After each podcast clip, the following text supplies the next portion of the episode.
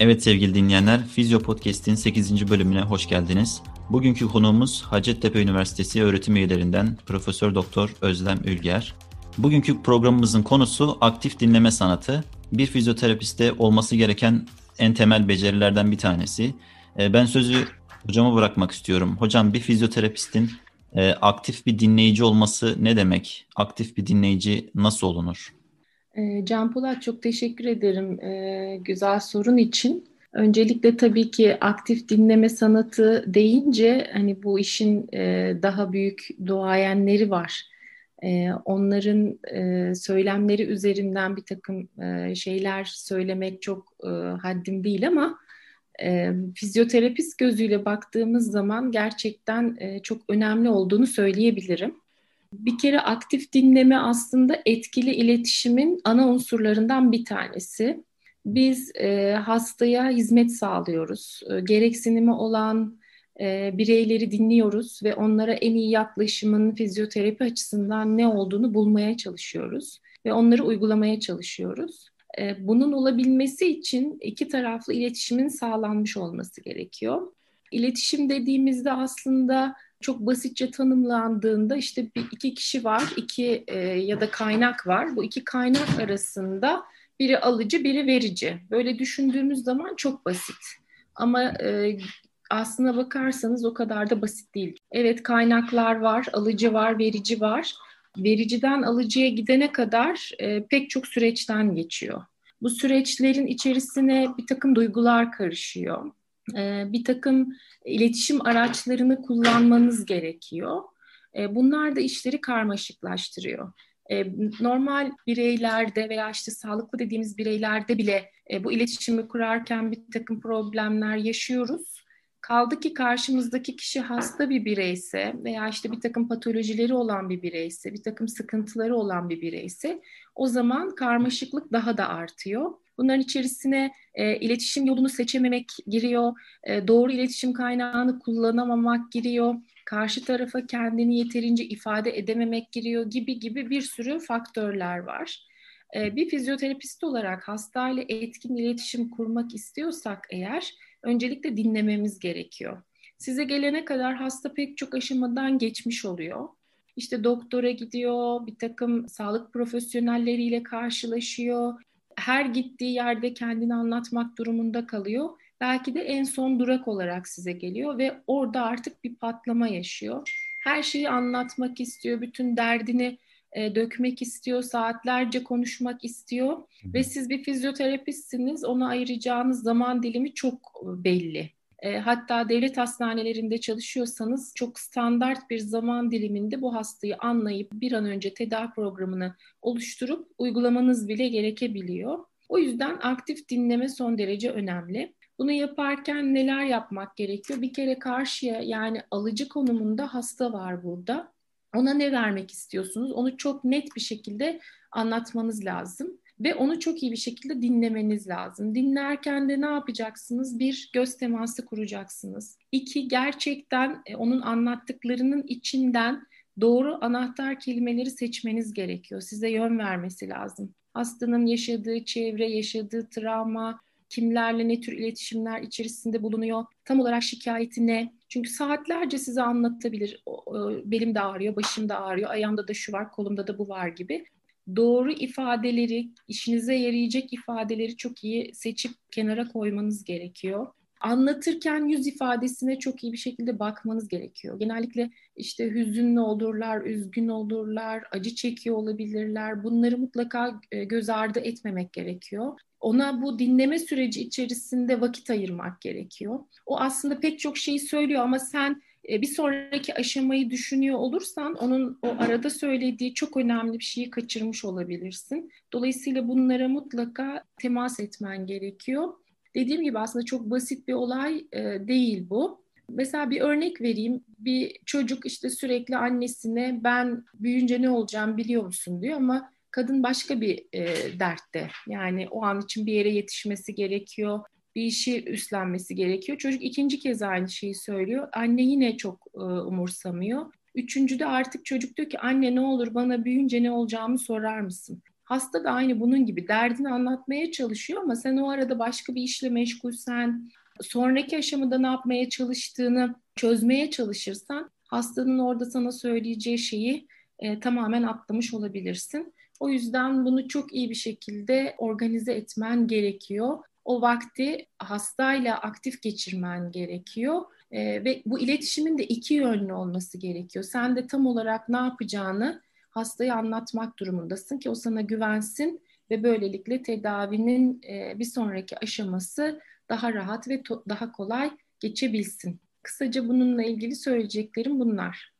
Dinleme deyince dediğiniz gibi aslında çok basit gibi gözüküyor ama sadece susup dinlemek, belki hadi ara sıra gülümsemek bunu bu şekilde düşünenler varsa da o zaten biraz pasif dinlemeye giriyor sanırım ama bizim burada sizin bahsettiğiniz konular biraz aktif dinleme. Esas bizde olması gereken e, karşılıklı olarak iletişim.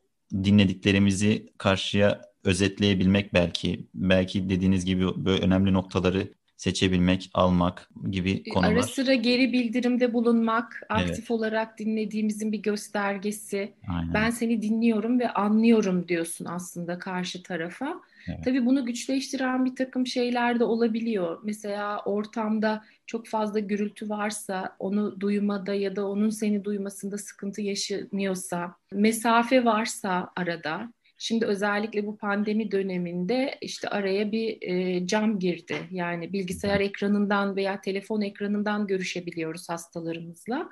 Bu da bir engel mesela aktif dinlemede. E, bunun gibi etkileyen faktörler olabiliyor. E, dinlerken mutlaka empati kurmamız gerekiyor. Bu son derece önemli.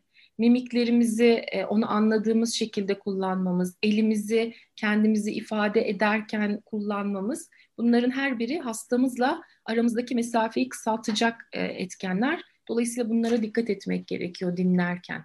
Hocam diyelim hasta kendi şikayetinden bahsediyor. İşte örneğin hemiplejic bir hasta.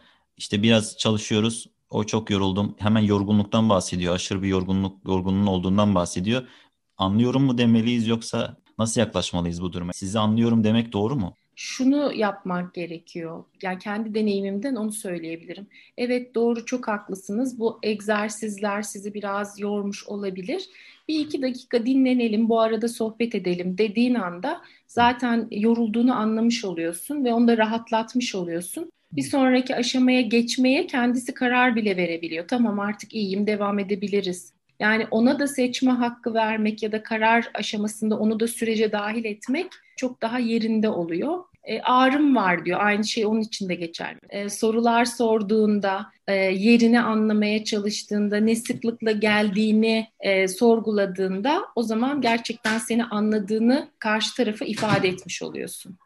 Şöyle zaten yine bahsettiğiniz konuşmanızın içerisinde de peki bu hastayla iletişim esnasında neleri yapmamamız gerekiyor? Nelerden kaçınmak gerekiyor? Biraz da ondan bahsedebilir misiniz? Tabii ki. Öncelikle hastanın sözünü kesmeyeceğiz. Ee, onun konuşmasına fırsat vereceğiz. Ön yargılı olmayacağız. O bir şey anlatırken biz sonrasında ne söyleyeceğimizi düşünmeyeceğiz. Ee, yargılayıcı olmayacağız. Onun adına kararlar vermeyeceğiz Az önce söylediğim gibi göz hizasında olmamız gerekiyor. Tekerlek sandalyede ise onun seviyesine, işte oturuyorsa yatıyorsa onun sizi görebileceği seviyeye gelmek durumundasınız. Çok uzun konuşabilir, anlatabilir kibar bir şekilde e, almak istediğiniz yöne konuşmayı, iletişimi e, götürmek istediğiniz yere, yere yönlendirmelisiniz. Aksi takdirde konuşma uzar gider ve siz alacağınız bilgiyi o zaman dilimi içerisinde alamamış olursunuz. Ee, yine dediğim gibi mutlaka e, e, e, mimiklerle, el hareketleriyle, baş hareketiyle onu dinlediğinizi, anladığınızı ifade etmek durumundasınız e, bakışlarınızı asla kaçırmamak durumundasınız. O bir şeyler anlatırken siz başka bir şeyle uğraşıyormuş gibi ya da uğraşıyor olmamalısınız. Bunların her biri sizin hastayla aranıza mesafe koymanıza yol açacaktır. Size güveni olmayacaktır, sarsılacaktır ya da güven duymak için zamana ihtiyacı olacaktır. Ses tonunuz çok önemli. E, iniş çıkışlar, e, sert e, konuşmalar, kırıcı konuşmalar, e, yapmamalısınız. Yüz ifadeniz kızgın olmamalı. Sürekli gülümseyerek yaklaşmanız gerekiyor.